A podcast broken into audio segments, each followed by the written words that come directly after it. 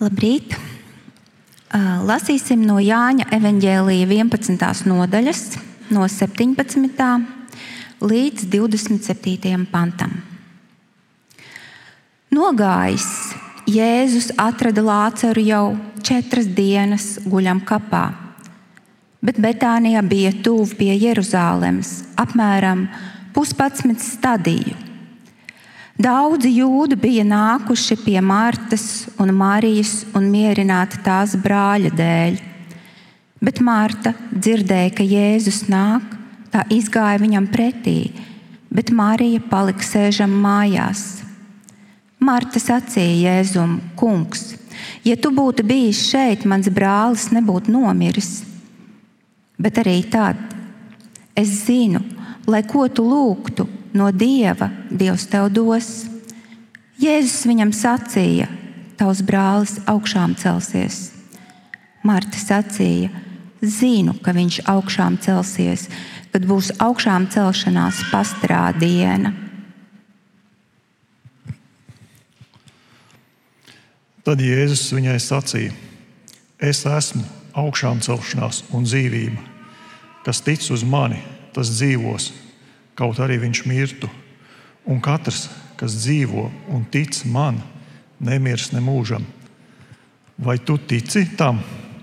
Viņa sacīja: Jā, kungs, es ticu, ka tu esi Kristus, Dieva dēls, kas nāk pasaulē. Amen. Tas bija Dieva vārds. Lūksim mūsu kungu. Kungs, mēs tev pateicamies no visas sirds par visām tām svētībām, ko tu mums bagātīgi savā žēlastībā ikdienas dod. Un lūdzu, piedod, ja reizēm mēs aizmirstam pateikties vai aptvert to vērtību. Mēs tev pateicamies par katru vārdu, ko tu mums dod, un svētī to. Un lūdzu, dod mums gudrību un atvērtu sirdi, to pareizi izprast un tuvoties tev. Un paldies, ka mēs varam sludināt tavu vārdu un godināt šeit, mūsu draudzē, un visur mūsu valstī. Un to visu mēs lūdzam Jēzus vārdā. Āmen!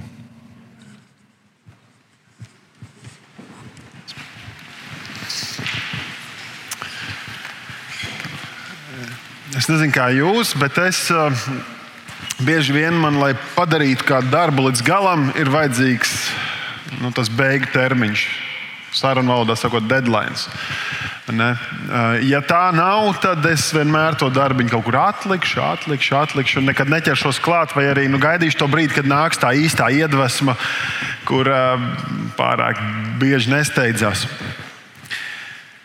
Tā skaudrā realitāte ir, kādiem no mums ir vajadzīga apziņa par to, ka arī šīs zemes dzīve nav bezgalīga, ka ir deadline. Ka ir, un Mēs nezinām, kad ir šis beigu termiņš, ko Dievs mums ir devis.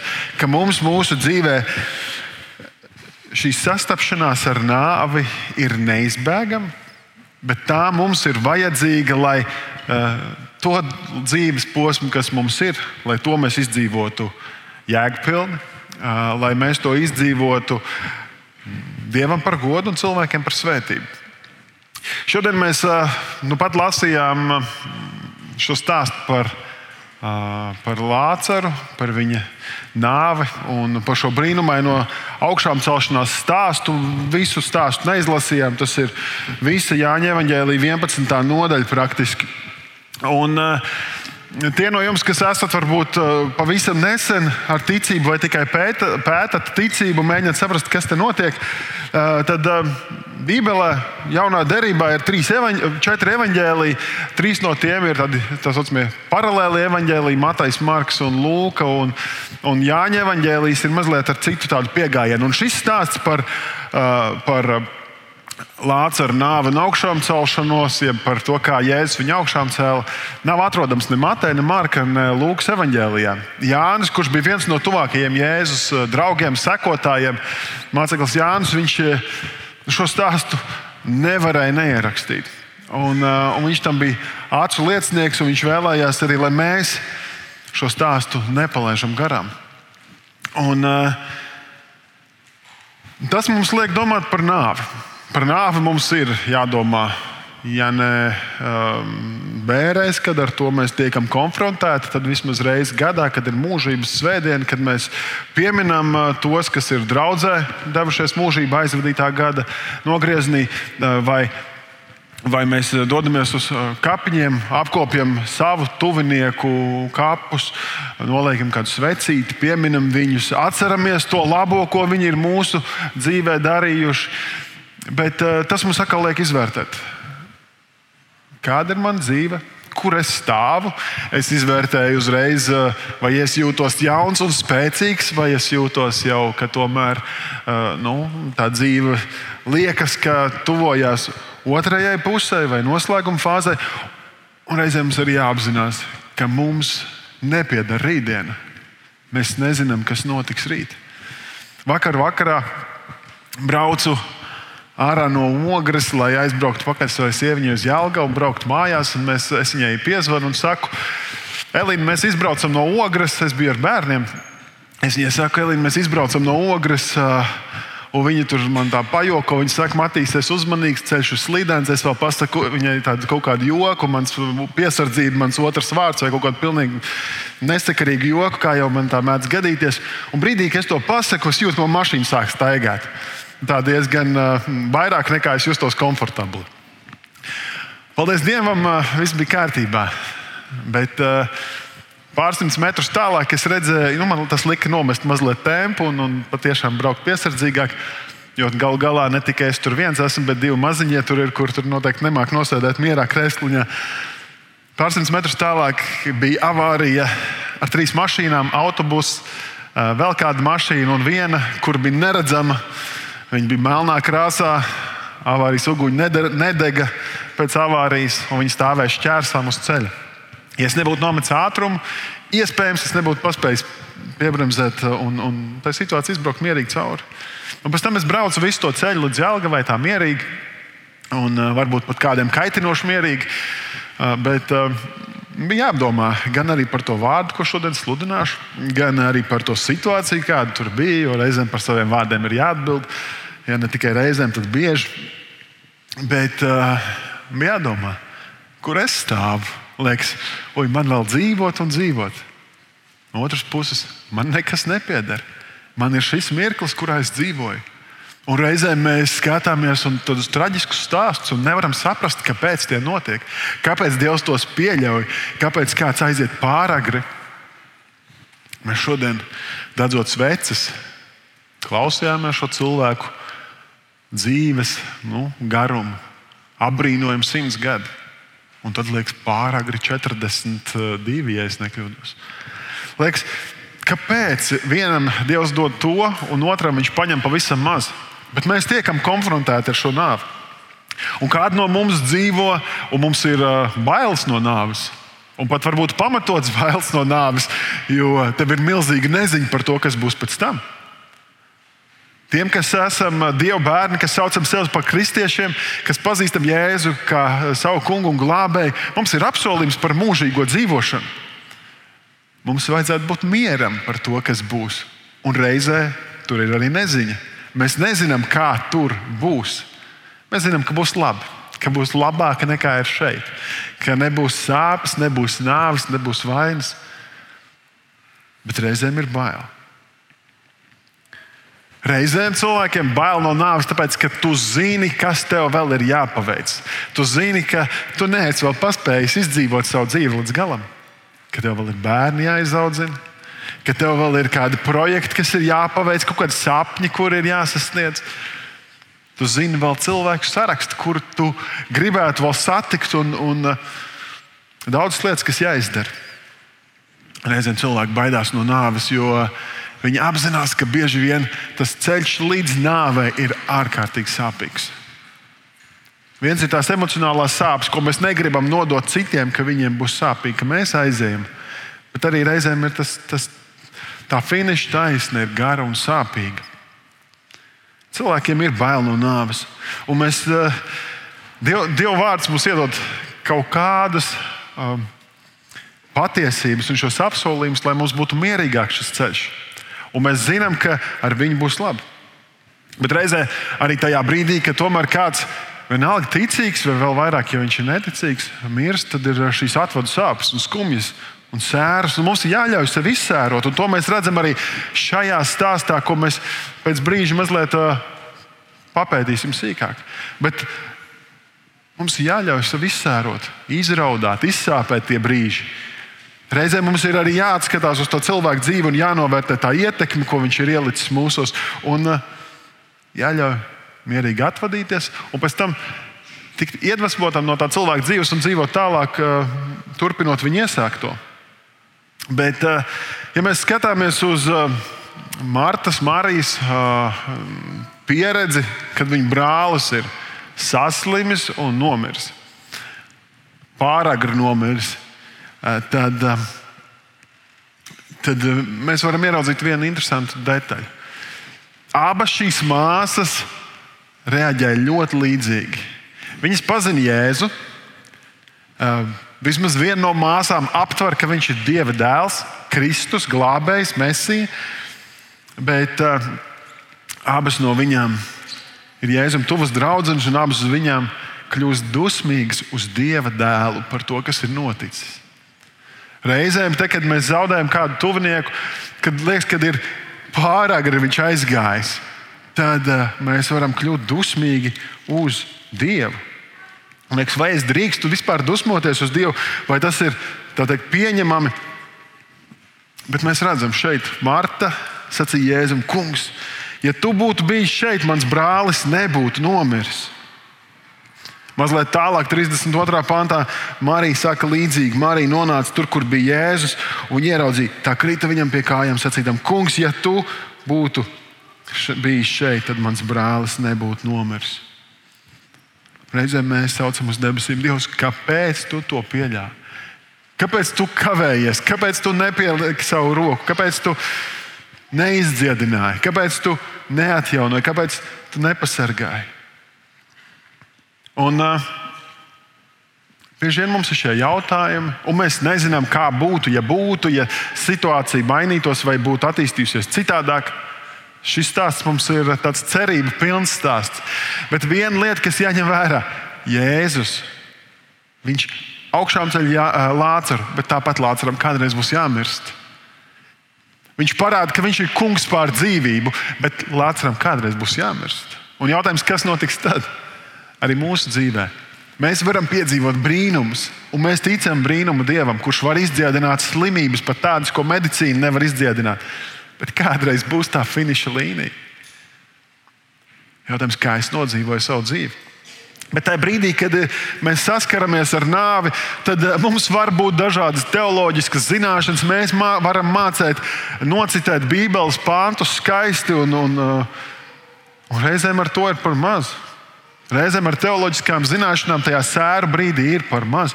Piemēram, šeit Jāņa 11.7. Marta saka, Jēzum, tā, viņš saka, es esmu augšām celšanās un dzīvība.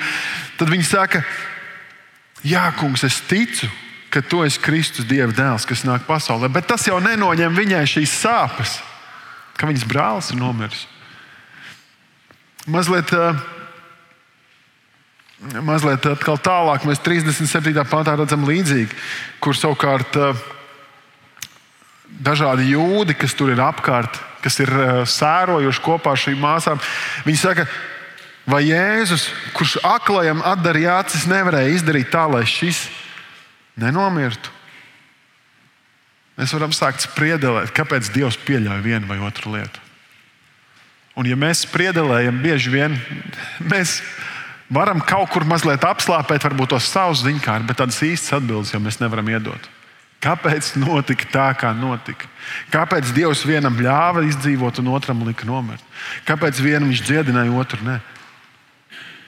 Bībeli saka, tad, kad kāds raud, tad raudiet ar tiem, kas raud, un priecājieties tiem, kas priecīgi. Smējieties ar viņiem, līksmojiet. Mums reizēm gribas nu, apslāpēt tās savas sajūtas. Tagad neraudi, tagad viss būs labi, tikai neraudi. Tas, ko Jēzus rāda, viņš rāda to dievišķo līdzjūtību. Viņš nekur uh, neslēpj šīs emocijas. Mēs redzam, 33. pāntā Jēzus redzēja raudam viņu. Viņš redzēja Mariju raudam. un arī tos jūdzes, kas bija atnākuši līdz ar viņu. Viņš garā aizgrābts. Satraukti teica, kur jūs viņu esat nolikuši. Viņš tiek garā aizgrābts. Viņš vienkārši redz šo cilvēku sāpes, viņa rūpes, un viņš neizliekas tās neredzam. Viņš neizliekas, ka tas ir kaut kas nesvarīgs. Viņš nesaka, ka viss būs kārtībā. Man kaut kas labs tev sagatavots. Un viņam ir kaut kas labs sagatavots abām šīm māsām.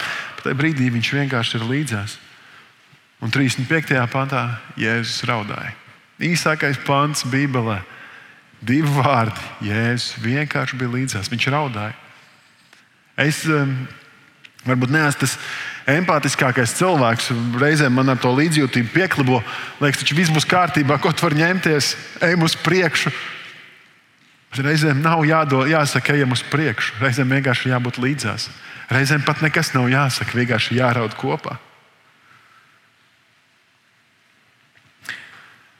Kādā citā vietā Bībelē Jēzu konfrontē kādi nu, tā, gudrinieki, prātvēdi, saduķēji, kas bija nu, tādi intelektuāļi.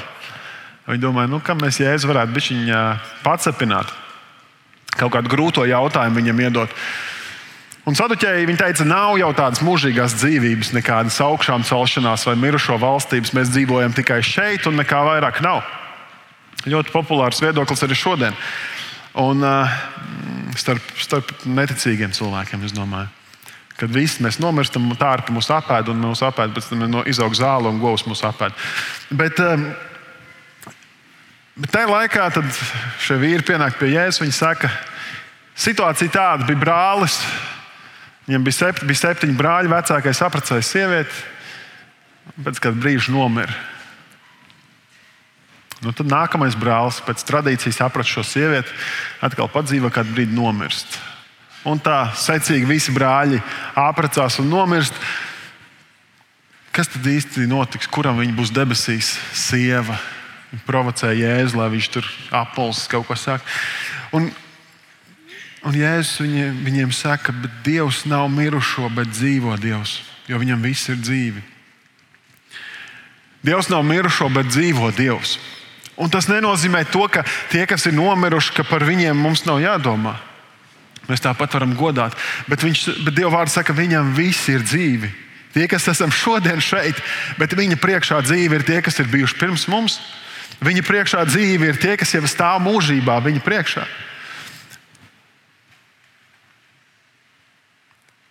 Bet tas man liek atkal un atkal uzdot jautājumu, kā es nostāšos Dievu priekšā? Ka būs tā robežšķirtne, kur man būs jāatbild par savu dzīvi. Kā es to esmu dzīvojis, kā es esmu rīkojies, ko es esmu sacījis. Kā es esmu izlietojis to laiku, kas man ir dots? Kā tu esi izlietojis šo laiku, kas tev ir dots? Vai, eh, vai mēs varam pasmaidīt par sevi, vai mēs savus radiniekus satiekam tikai bērēs? Tad, kad mēs sanākam visi kopā un Sākumā raudam kopā, un pēc tam varam teikt, nu, re, tikai kāzās un bērēs visi sanākam kopā. Un liekas, nu, tā nevajadzētu būt. Mans izaicinājums tev šajā nedēļā ir apsēties, padomā mazliet, kas ir tie cilvēki tavā dzīvē, pret kuriem tu esi mazliet pavērši izturējies.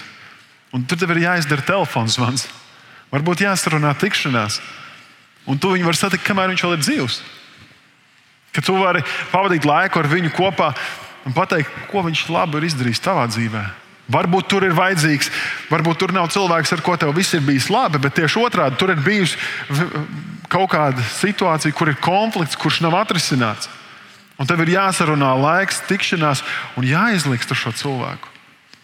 Jo mums pieder šodiena, mums ne, nepieder rītdiena. Atgriežoties pie pie stāsta par Lācaru. Tur nepalika jēzus tikai pie vārdiem, ka viņš ir augšām celšanās un dzīvība, kas uh, uz viņu tic, tas dzīvos, kaut arī viņš mirtu. Viņš to pārvērta praksē. Viņš to parādīja uh, ar piemēru. 41. pāns un mazliet uz priekšu. Jēzus saka, novēliet akmeni, un tie nocēla akmeni, un Jēzus pacēla acis augšu un teica, Tēvs, Pateicos tev, ka tu mani uzklausīji. Es zināju, ka tu mani vienmēr uzklausi, Bet to es sacīju šī ļaužu pūļa dēļ, kas visapkārt, lai viņi ticētu, ka tu mani esi sūtījis. To teicis, viņš varanā balsī sauc Lācis, nāca ārā. Un mirušais iznāca. Kājas un rokas tam bija sasaistītas saitēm, un seja aptīta ar sviedrautu. Un tad Jēzus ļaudīm sacīja: atraisiet viņu un ļaujiet viņam iet. Cilvēki savā galvā bija jau viņu ap, ap, apglabājuši, no viņa atvadījušies. Jēzus viņam dod otro iespēju, Jēzus viņam dod dzīvību, saka, atraisiet viņu, ļaujiet viņam iet. Jēzus eh, šeit praktiskā veidā parāda, ka viņš ir kungs pār nāvi un dzīvību. Un eh, pavisam drīz eh, viņš arī pats tiek nogalināts un augšām ceļās. Šeit viņš parāda, es esmu kungs pār to, ka es varu augšām celt to, kurš ir miris. Viņš ir izdarījis daudz brīnumu darbus, līdz tam viņš ir dziedinājis spitālīgos, viņš ir atvēris acis sakliem, ausis kurlījiem. Viņš ir paralizētos cēlis augšām. Viņš ir Dievs, kurš maina dzīves. Un mēs, kas esam šeit, es domāju, vairums no mums esam piedzīvojuši savā laikā, ka Jēzus pieskarās manai dzīvē, un Viņš maina to, ka Viņš iedod jēgu, ka Viņš iedod cerību. Varbūt tā nav tāda pārdabiska, liekas, nu, tāda redzama uh, pārdabiska lieta, bet tā ir bijusi pārdabiska dziļa sirdī. Ka mana dzīve ir mainīta, ka manai dzīvei ir iedota dzīvība.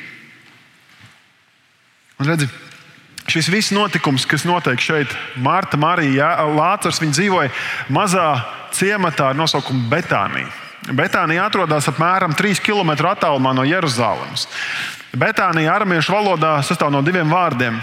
Ja mēs mēģinātu burtiski tulkot uz latviešu valodu, tad eh, tas nosaukums būtu nabagu māja. Ja šajā pilsētā dzīvoja tie, kuri bija sabiedrībā izstumti, tos, kurus Jeruzalemē viņiem lūdza mazliet paiet tālāk.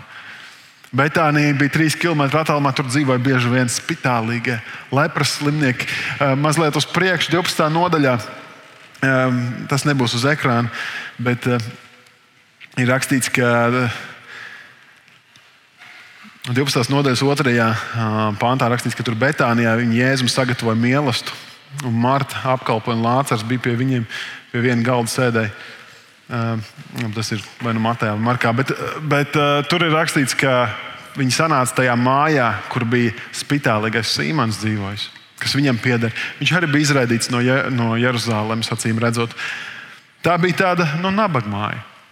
Tieši tā kā šis nosaukums vēstīja. Un, un reizēm mēs esam tādā pārnestā nozīmē. Varbūt, varbūt maksimums ir pilns un, un cilvēku acīs mums status ir, bet te iekšā mēs zinām, ka garīgi pietrūkst. Ka garīgi tu jūties atstumts, garīgi tu jūties viens. Garīgi tu iekšēji saproti, ka Dieva priekšā tu esi pliks un nabaks. Un tajā vietā Jēzus nāk un viņš dod dzīvību. Tajā vietā Jēzus dod otro iespēju. Viņš paceļ, viņš stiprina. Viņš saka, laidiet, ļaujiet viņam dzīvot. Es domāju, šeit mēs esam daudz tādi, kurus pie Jēzus atnācām tad, kad bijām vieni paši sasisti, garīgi. Varbūt kāds fiziski. Un redziet, tie cilvēki, kas tur bija redzējuši šo brīnumu, Viņu acis, lai arī viņi zināja par tiem brīnumiem, ko Jēzus ir darījis līdz tam, tajā brīdī, kad viņi ieraudzīja, ka Lācis tiek augšām celts, viņu acis burtiski uh, atvērās un viņi ieraudzīja kaut ko dievišķu un pārdabisku par Jēzu. Un mazliet vēlāk Jēzus atkal ir šeit, Betānijā, un ir pienākusi tā nedēļa, ko mēs saucam par uh, kluso nedēļu kas sākas ar ieiešanu Jeruzalemē, ar karalisku ieiešanu Jeruzalemē, kur pūlis vienkārši nāk un, un saka, Ozeāna, glāb mūs! Glāb mūs! Slavēts lai ir tas, kas nāk tā kunga vārdā. Viņi pagodina Jēzu kā kungu, viņi pagodina Jēzu kā dievu. Kāpēc viņi to var darīt? Viņi nāk no Betānijas caur Olīvu kalnu uz Jeruzalemi. Tāpēc, ka viņi ir redzējuši šo brīnumu. To neizdomāju. Es to saku Dieva vārds. Turpat 12. nodaļā, Jāņa Evangelijā, 17. un 18. pantā, tas ir notikums, kur Jēzus ienāca Jeruzalemē.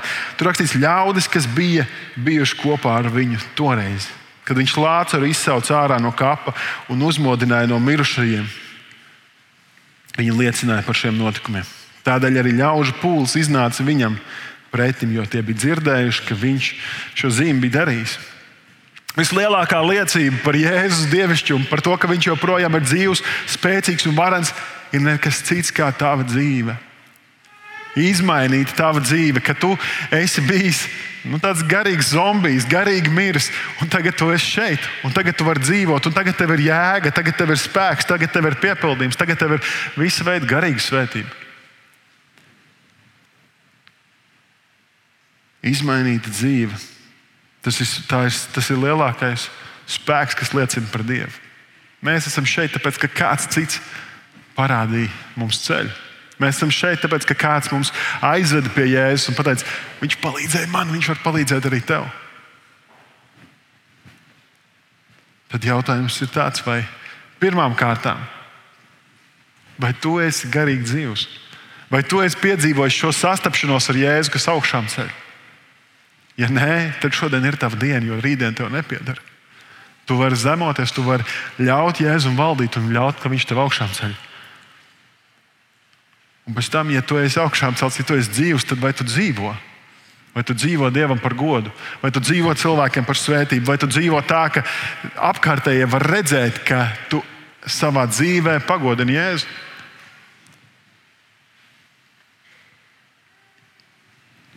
Jautājums ir, kad mēs nostājamies šajā robežšķirtnē starp dzīvību un nāvi, kad mēs skatāmies uz cilvēku dzīvēm, kas ir aizgājuši, ko kungs ir ņēmis mājās. Mēs varam ar eh, tādu lielu neziņu un, un, un ar brīnumu skatīties, kas notiek, bet mēs varam dzīvot šo dzīvi tālāk ar mieru, ar paļāvību uz Dievu, jo Viņš ir Dievs, kurš dara dzīvi. Es aicinu, ka mēs varam piecelties un lūgt.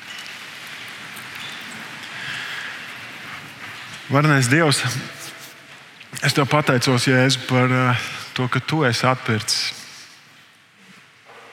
Ka tu esi atpircis mūs no nāves un ievedis dzīvībā, ka tu esi devis mums uh, svēto garu kā ķīlu, tam kā apliecinājumu, ka mēs esam tavi bērni, ka mēs esam Dieva bērni, ka mēs varam uh, šeit būt un ka tu esi mums devis uzdevumu būt par gaismu šajā tumšajā pasaulē, ka mēs esam tie, kas nes vēstu par tevi, Jēzus, ka mēs esam tie, kas nes cerības vēstu, ka mēs esam tie, kas liecina par to, ka tu dari dzīvu.